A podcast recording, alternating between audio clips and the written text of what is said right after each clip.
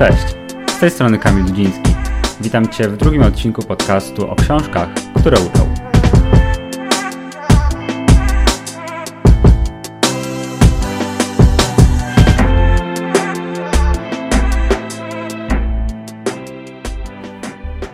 Dzisiaj zajmiemy się tematyką komunikacji. Powiemy sobie trochę o tym, czym jest komunikacja, jakich rodzajów komunikatów używamy, jak te komunikaty mogą być interpretowane oraz o tym, co zrobić, by lepiej rozumieć się z innymi. Na pierwszy plan wychodzi dzisiaj książka pod tytułem ABC Psychologii Komunikacji autorstwa Elżbiety Sujak, która jest doktorem medycyny, lekarzem psychiatrą i neurologiem i angażuje się w poradnictwo rodzinne, a od wielu lat prowadzi kursy psychologii komunikacji. Jest autorką licznych książek i publikacji o tej tematyce, więc myślę, że ta książka, chociaż wyjątkowo niepozorna, okaże się bardzo ciekawym źródłem informacji. Zapraszam. Czy możemy żyć bez komunikacji? Pytanie wydaje się co najwyżej trywialne, to znaczy, niby możemy z kimś przecież nie rozmawiać, nie odzywać się, najlepiej wskazywać jakiekolwiek braki zainteresowania tą osobą. Ale czy to się równa brakowi komunikacji? No, bynajmniej. To znaczy, właściwie już samą naszą postawą, samymi naszymi gestami czy mimiką coś komunikujemy. To nie jest komunikat słowny, nie ma charakteru werbalnego, jednak to wciąż jest przekazanie jakiejś informacji. Na przykład nie lubię cię, nie chcę cię widzieć, nie chcę się z tobą spotykać. Czyli pomimo tego, że nic nie mówimy, już dużo komunikujemy. Ale skąd właściwie wzięło się samo pojęcie psychologii komunikacji? Bo o komunikacji słyszał każdy. Właściwie komunikacja nawiązuje do łączenia czegoś, dzielenia się czymś. Od łacińskiego słowa communio, czyli uczestnictwo, więź, to co łączy. I sama nauka związana z komunikacją, z psychologią komunikacji nie wynikła, nie wynikła znikąd. To znaczy, w latach dwudziestych, kiedy bardzo prężnie rozwijała się tematyka psychoanalizy, czyli próba odpowiedzi na pytanie, dlaczego jesteś taki, jaki jesteś człowieku. Poszukiwała odpowiedzi na nie w indywidualnej historii każdej osoby, jednocześnie starając się leczyć zaburzenia psychiczne, nerwice, starając się opanować skutki traumatycznych przeżyć. I na bazie obserwacji procesów psychoanalizy stwierdzono w drugiej połowie XX wieku, że jednym z ważniejszych czynników, które miały wpływ na jakość leczenia pacjentów, była sama relacja, jaką nawiązywali oni z terapeutą. Stąd prosta droga do komunikacji. To znaczy, jeśli pacjent i terapeuta byli w stanie się dogadać, jeśli jeden rozumiał drugiego, to byli w stanie lepiej ze sobą współpracować. Zaczęto więc badać ten temat znacznie głębiej. Aktualnie właśnie psychologia komunikacji zajmuje się nie tyle cechami, jakie posiadają dane osoby, które pragną się ze sobą komunikować, ale właśnie bada bardziej sam proces komunikacji, czyli tego, jak to robią. Ważnym z owoców tych badań jest choćby to, że częste kryzysy czy problemy w więziach między ludźmi bywają nie tyle problemem tego, że na przykład nie dobrali się, to znaczy, że ich cechy osobowości są skrajnie przeciwne, ale właśnie tego, że nie potrafią we właściwy sposób ich sobie wzajemnie przedstawić.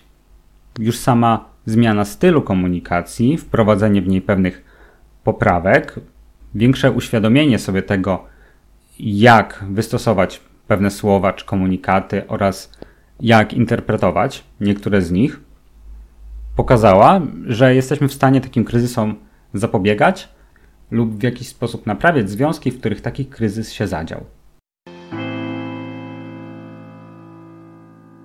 Ok, wróćmy teraz do pierwszego pytania, które sobie zadaliśmy, czyli czy można żyć bez komunikacji? No, oczywiście nie jesteśmy w stanie. I teraz, ok, możemy nie rozmawiać, ale zawsze wysyłamy swoimi decyzjami czy postanowieniami pewien komunikat. Te komunikaty możemy podzielić na dwa sposoby. Pierwszy sposób to podział na komunikaty słowne i bezsłowne. Czyli kiedy mówię do innej osoby posprzątaj swój pokój, to częścią słowną tego komunikatu jest właśnie sama treść, czyli idź posprzątaj swój pokój, ale treścią bezsłowną będzie to w jaki sposób to powiem. Czyli mogę powiedzieć idź posprzątaj swój pokój albo idź posprzątaj swój pokój. Czyli już sam ton głosu jest tą częścią bezsłowną.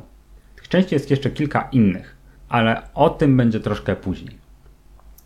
Drugi podział komunikatów to podział na komunikaty świadome, czyli takie, które są zamierzone, które celowo formułujemy.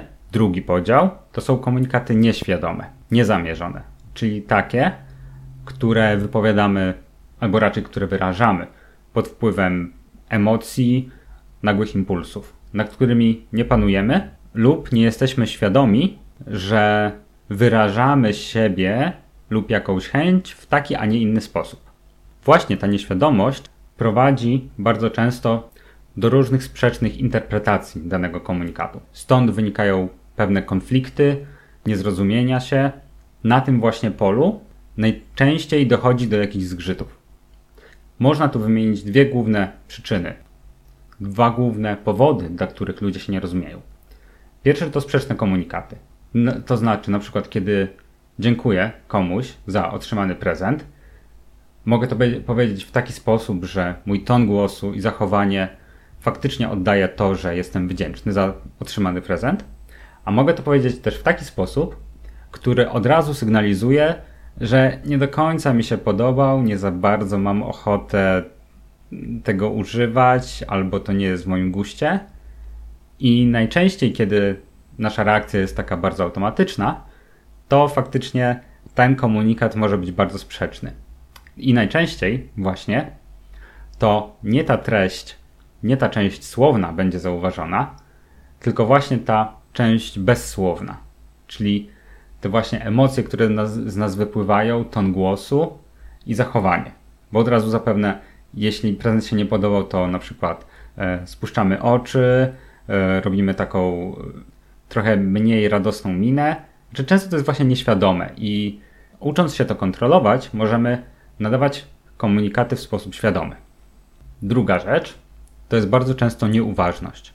To znaczy, mówimy niektóre rzeczy w sposób po pierwsze niezorganizowany i nie zwracamy uwagi na to, w jaki sposób się wyrażamy, jakim tonem. To właśnie nawiązuje do sprzecznych komunikatów, ale często też nie zważamy tak naprawdę na treść, czyli przekazując już sam powiedzmy komunikat słowny, pomijając tą warstwę bezsłowną, czasami używamy takich słów, które nie potwierdzają tego, co chcielibyśmy wyrazić.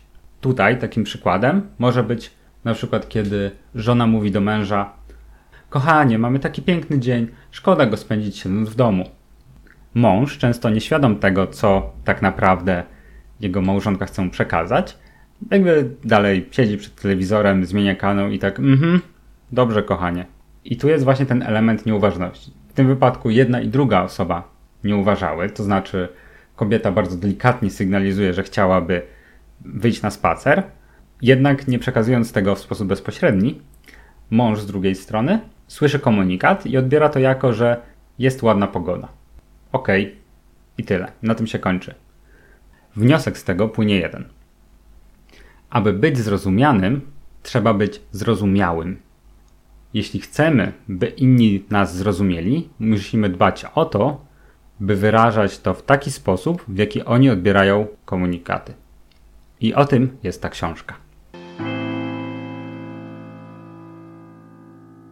Przejdźmy teraz do moim zdaniem najciekawszych fragmentów, najciekawszych informacji, do których odnosi się książka, jednocześnie nie zdradzając wszystkiego, co jest w niej zawarte. Jest na tyle krótka, że myślę, że zechcecie ją przeczytać, tak czy inaczej. Ma raptem szybkie sprawdzenie 93 strony, więc na dobrą sprawę jeden wieczór i posiedzenie. Choć prawdopodobnie przyciągnie się dłużej, bo bardzo zmusza do myślenia, ale mimo wszystko warto do niej zajrzeć. Kosztuje też raptem 12 zł, więc to jest cena dobrej kawy, jeśli się nie mylę. Żeby Was jednak bardziej zachęcić do jej zgłębienia, przygotowałem takie trzy perełki, trzy moim zdaniem istotniejsze elementy tej książki, chociaż faktycznie każdy najprawdopodobniej spojrzy na nią pod innym kątem. Tak inaczej analizujemy komunikaty. A ta książka przekazuje ich nam bardzo dużo.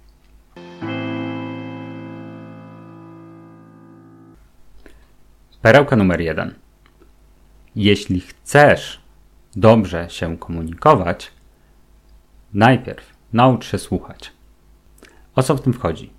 Otóż komunikacja ma dwa obszary. Pierwszy to jest nadawanie komunikatu, zaś drugi to jest jego odbieranie. Teraz, jeśli nie jesteśmy w stanie zrozumieć, co dana osoba do nas mówi, jeśli nie jesteśmy w stanie zrozumieć jej stylu komunikacji, nie będziemy też w stanie, albo będzie to bardzo utrudnione, by nadać do niej komunikat w określony sposób. Teraz tak, słuchanie możemy podzielić znów.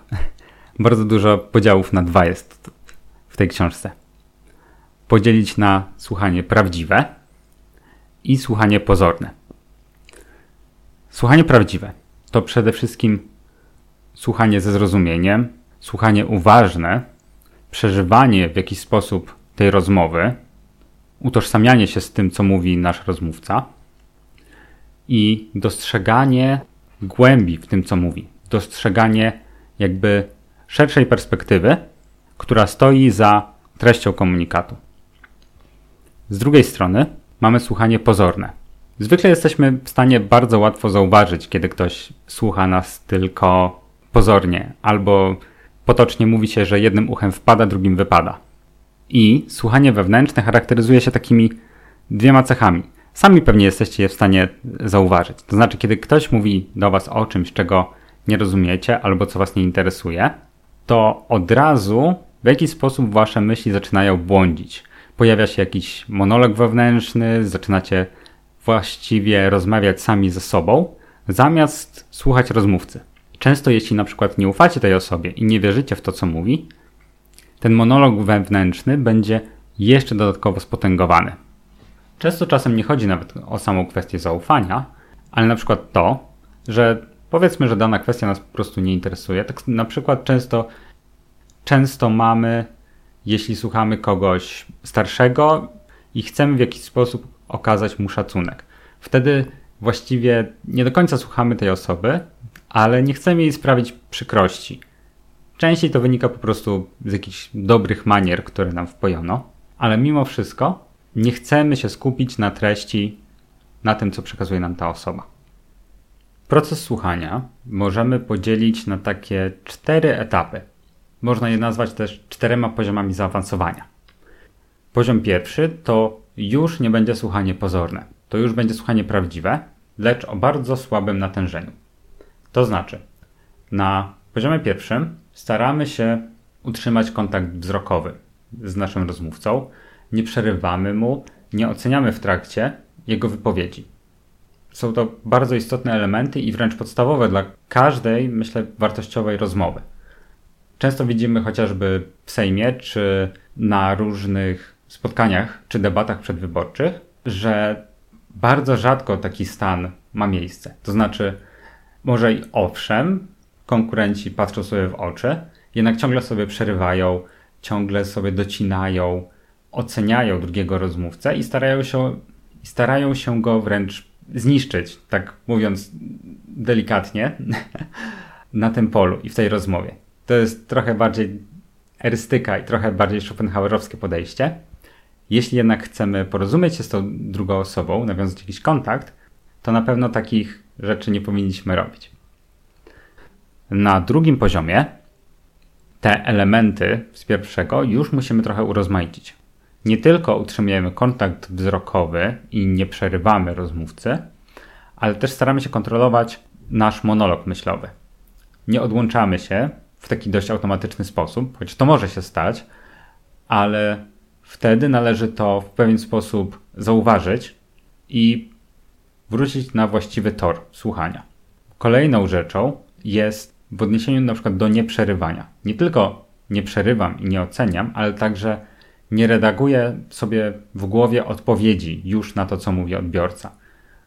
To znaczy, kiedy na przykład rozmawiasz z kumplem i, i on mówi ci o BMW M3, które właśnie sobie kupił, to możesz starać się owszem jakoś to w myślach przerobić, ale nie redagujesz sobie odpowiedzi w stylu OK, a ja kupiłem sobie taki i taki.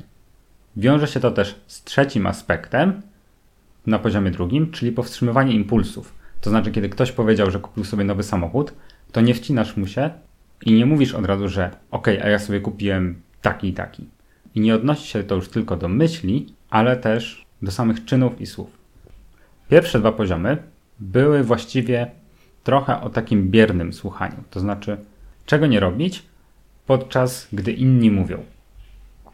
Teraz idziemy już stopień wyżej, to znaczy chcemy w jakiś sposób podkręcić tą rozmowę, trochę nadać jej może nie tyle szybszy bieg, co wyciągnąć z niej więcej.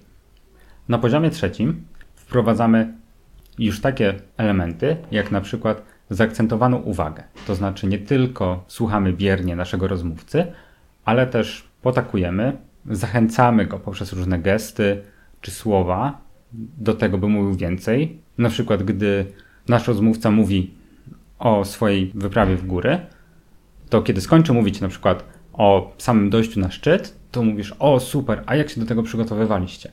I to nakręca dalsze odpowiedzi. Na tym poziomie powinniśmy już też opanować pewnego rodzaju postawę, która wyrażać będzie słucham cię, rozumiem, chciałbym, żebyś mówił więcej, chcę dowiedzieć się więcej. Taką postawę zaprezentujemy właśnie poprzez wykorzystanie tych elementów zaakcentowanej uwagi, zachęty właśnie do mówienia więcej, zadawania odpowiednich pytań naszemu rozmówcy.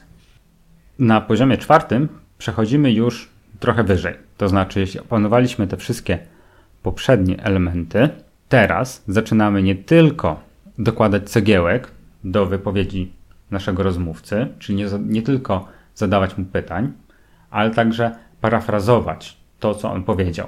Kiedy, załóżmy, kiedy pracownik przychodzi do menadżera ze złą wiadomością, typu, że jakiś projekt się opóźnia, że czegoś nie udało mu się przygotować, to wtedy zamiast zadawać pytanie od razu, na przykład czemu są opóźnienia, albo czemu nie udało ci się tego przygotować, można powiedzieć, OK, czyli rozumiem, że miałeś z tym jakieś problemy. To już nadaje trochę inny ton, bo pokazuje, że rozumiemy problem, z jakim przychodzi do nas druga osoba. Warto też czekać na pewne, pewnego rodzaju potwierdzenie tego, co parafrazujemy. To znaczy, czy to faktycznie o to chodzi. W ten sposób nie tylko nakręcamy samą rozmowę, ale też budujemy w pewien sposób zaufanie rozmówcy do nas. To znaczy, kiedy ktoś widzi, że chcemy i staramy się go zrozumieć, staramy się poznać jego potrzeby, poznać jego problemy, to automatycznie nie tylko będzie bardziej nas lubiał, bardziej chciał z nami rozmawiać, ale też tym bardziej się przed nami otworzy i tym głębiej będziemy w stanie go poznać.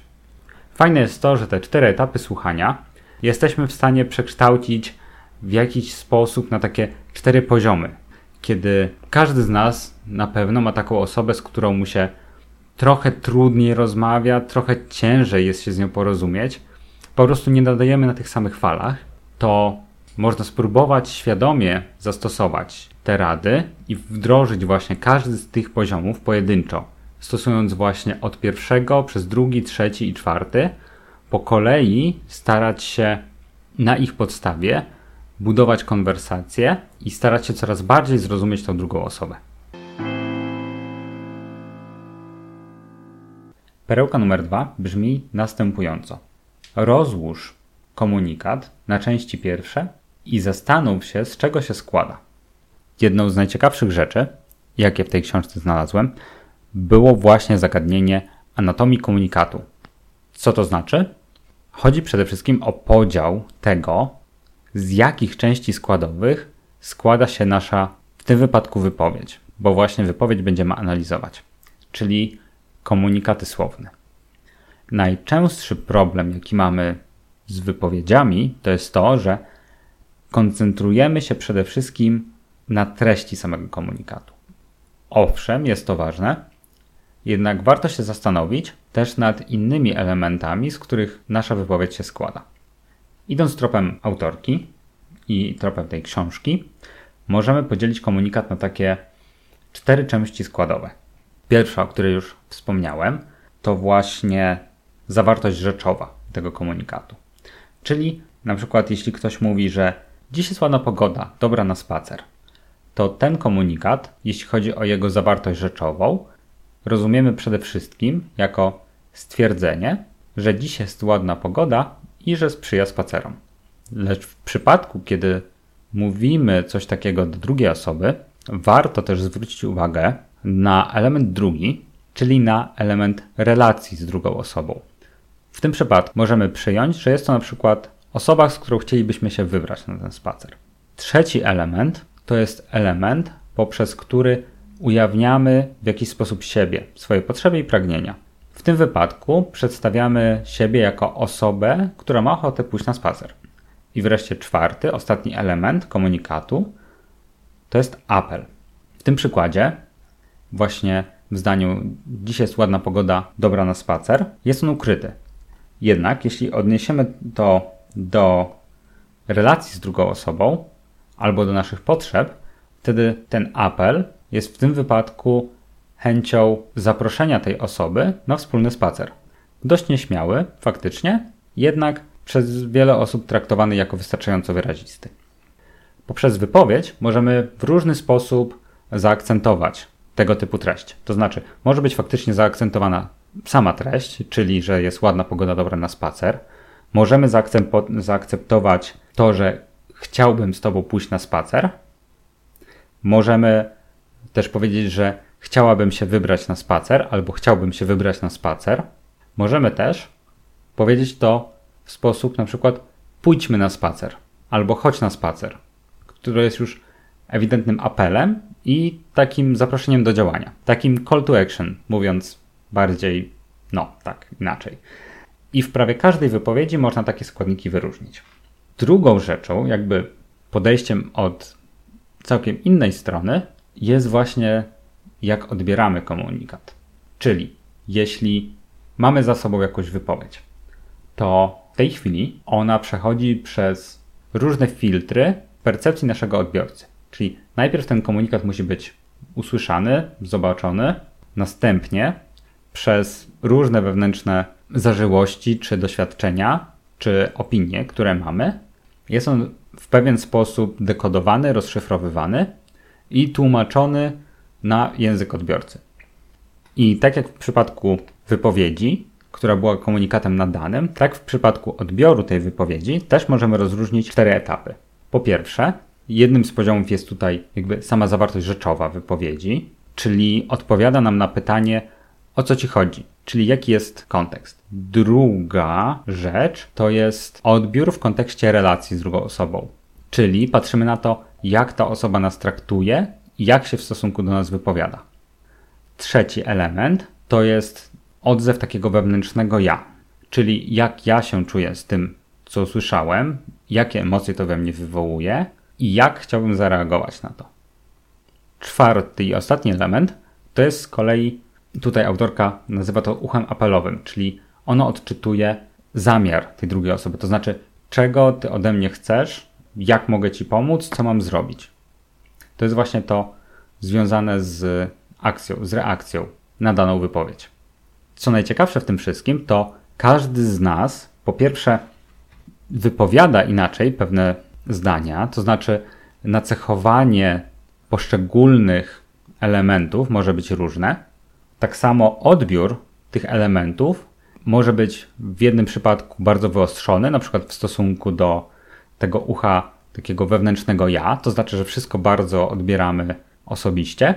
Może to być też skierowane właśnie w stronę apelu, to znaczy, że we wszystkim, co słyszymy, co odbieramy, widzimy powód do określonego zaufania, powód do określonej reakcji na daną wypowiedź.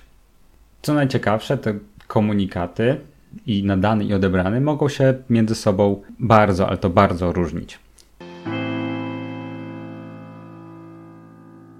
Ostatnia i jak zwykle nie mniej istotna odnosi się do następującego stwierdzenia. Nie dziel uczuć na dobre i złe. W większości przypadków właśnie tak postępujemy. To znaczy dzielimy uczucia na te, które są dobre, czyli na przykład radość, bezpieczeństwo, miłość, szacunek i na te złe, czyli wstyd, złość, głód, lęk, gniew, wstręt. I warto się zastanowić, czy tak naprawdę w ten sposób powinniśmy je rozróżniać. Uczucia są przede wszystkim manifestacją pewnych potrzeb. To może nam się trochę nie zgadzać ze światopoglądem, bo niejako pokazuje, że te uczucia są jakby uzależnione od potrzeb, czyli są od nich jakby mniej istotne. A często, właściwie najczęściej, właśnie do uczuć się odwołujemy, a nie do potrzeb. Warto natomiast spojrzeć na to z tej strony, że uczucia, jeśli właśnie są manifestacją potrzeby, to pomagają nam w jakiś sposób te potrzeby właśnie rozszyfrować i w odpowiedzi zwrotnej właśnie do nich się odnieść. Skoro więc te uczucia są obrazem naszych potrzeb, to ciężko stwierdzić, że któreś z naszych potrzeb są złe. To znaczy, czy na przykład potrzeba samorealizacji, albo potrzeba uznania, czy potrzeba wyższych wartości, czy one mogą być w jakiś sposób złe? Mm, no, same potrzeby złe nie są, tylko sposób, w jaki dążymy do ich spełnienia, tak, to już może rodzić pewne konflikty. Warto więc zdefiniować sobie, jak te uczucia charakteryzują nasze potrzeby. Taki niewartościujący podział uczuć można przedstawić w ten sposób. Uczucie gniewu i na przykład niechęci, takie jak napięcie, oburzenie, złość, wściekłość, nienawiść czy chęć zemsty, to będą uczucia obronne. To znaczy pojawiają się wtedy w sytuacjach, w których czujemy się w pewien sposób zagrożeni. Będą też uczucia lękowe, takie jak niepokój, trema, strach, obawa, panika. To są właśnie uczucia, w przypadku których czujemy dodatkową niepewność z jakiegoś powodu. Będą też uczucia smutku, czyli znudzenie, troska, odrzucenie, żałoba, smutek. I ciężko właśnie w jakiś sposób przypisać im negatywną charakterystykę, bo tak naprawdę odzwierciedlają tylko stan, w jakim się znajdujemy. Jako, że każdy z nas w takich stanach się znajduje, to czy można to nazwać złym? No, to zależy właśnie od podejścia. Są to rzeczywiście uczucia pogodne, ale nie w tym sensie, że są to dobre uczucia.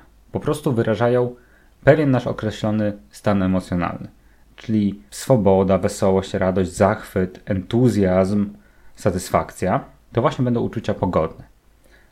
Będą także uczucia więzi, właśnie jak ufność, sympatia, miłość, zakochanie, przyjaźń, czy oddanie, czy też fascynacja. To będą uczucia, które odzwierciedlają nasz stosunek do relacji z danymi osobami. I warto tutaj na przykład zauważyć, że fascynacja czy szacunek mogą się odnosić zarówno do osób czy wydarzeń, które wpływają na nas i otaczający nasz świat w sposób zarówno pozytywny, jak i czasem negatywny, bo właśnie wszystko zależy od podejścia. Bardzo ważne przy poruszaniu aspektu właśnie uczuć i potrzeb jest to, w jaki sposób je wyrażamy i w jaki sposób się z nimi utożsamiamy. Fajnym ćwiczeniem może być tutaj taka swego rodzaju retrospekcja.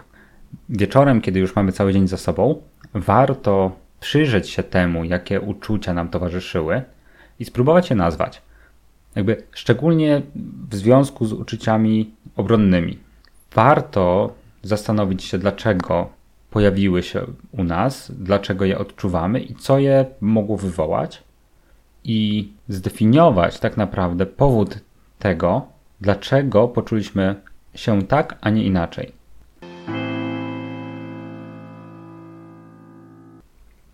Także trzy perełki mamy za sobą.